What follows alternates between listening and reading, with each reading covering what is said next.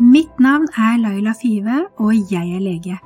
Vår hjerne og vårt nervesystem er helt fantastisk, men vi må lære oss å spille på lag med nervesystemet for å få et friskere liv med mindre smerter, mer energi og en bedre balanse i livet. Med denne podkasten ønsker jeg å gi deg kunnskapen og enkle forskningsbaserte verktøy for at du skal få det livet du ønsker. Navn er Laila Five, og jeg er lege, og jeg har laget denne podkasten for å snakke om nevroplastiske lidelser. Du har kanskje ikke hørt om nevroplastiske lidelser, og det er derfor jeg har laget denne podkasten, for jeg har lyst til å dele informasjon om noe jeg syns er kjempespennende og kjempeviktig. For nevroplastiske lidelser, de er de som vi ofte i dag kalles medisinske forklarlige, der legen ikke finner noen årsak til hvorfor du har de plagene eller de smertene som du har. Og i dag så er det ekstremt mange mennesker som går med sånne plager og sånne smerter, og du gjør det kanskje du også uten å vite om det, for det gjorde i alle fall jeg. Og neuroplastiske lidelser de kommer av at kroppen er i en konstant fight or flight-modus.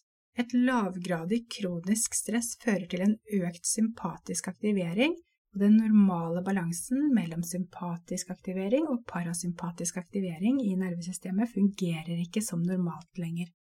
Og når man går i sånn kronisk lavgradig stress, så fører det til at nervesystemet endrer seg, hjernen endrer seg, immunsystemet endrer seg, og hormonsystemet endrer seg. Og dette kan på sikt gi sykdom og andre typer lidelser som kronisk smerte eller utmattelse. Kronisk smerte og utmattelse det er et kjempestort helseproblem i Norge i dag, sånn at det er kjempeviktig å ha gode behandlingsmuligheter for disse typer lidelsene. Og fram til nå nylig så har det vært veldig lite behandlingstilbud, og de som har hatt disse typer lidelsene, de har fått beskjed om at det ikke er så veldig mye å gjøre, at man bare må finne en god balanse i hverdagen, og at dette vil føre til at man lever på den best mulige måte med minst mulig smerter eller minst mulig utmattelse. Men det jeg har sett når jeg har dykket i litteraturen og lest om disse tingene, er at det faktisk finnes veldig gode behandlingsmåter for å kunne bli kvitt kroniske neuroplastiske lidelser og jeg har testet dette ut på meg selv med veldig bra hell. Jeg har testet det ut på mine pasienter. Jeg har laget et eh, nettkurs, og jeg har laget en gruppe der jeg behandler personer med kroniske neuroplastiske lidelser, og det har vært veldig, veldig gode resultater. Og jeg tenker at denne kunnskapen trenger å nå ut til alle behandlere der ute, og alle som har neuroplastiske lidelser, alle som kjenner noen med nevroplastiske lidelser, eller alle som står i fare for å få nevroplastiske lidelser. Og det er utrolig mange av oss, så at denne kunnskapen er veldig viktig å få ut til så mange som mulig. For det som viser seg, er at selv om smertene eller utmattelsen eller de andre typene av uforklarlige fysiske symptomer er 100% fysisk, så er det psykologiske metoder vi kan bruke for å behandle disse lidelsene.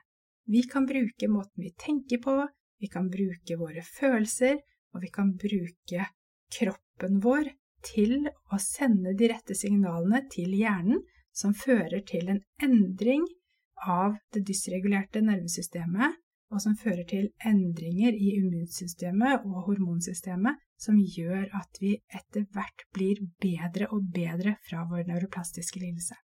Og jeg kaller også neuroplastiske lidelser for stresslidelser, og alle har stresslidelser av og til, men ikke alle får de kronisk.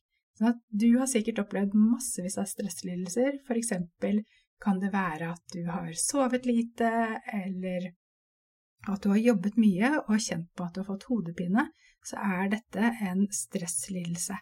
Men hvis dette her setter seg og blir kronisk, så blir det en nevroplastisk kronisk lidelse. Og det er denne nevroplastiske kroniske lidelsen hvor nervesystemet blir sensitivisert og smerte fortsetter å fyre gjennom nervesystemet til tross for at det ikke foreligger noe fysisk sykdom.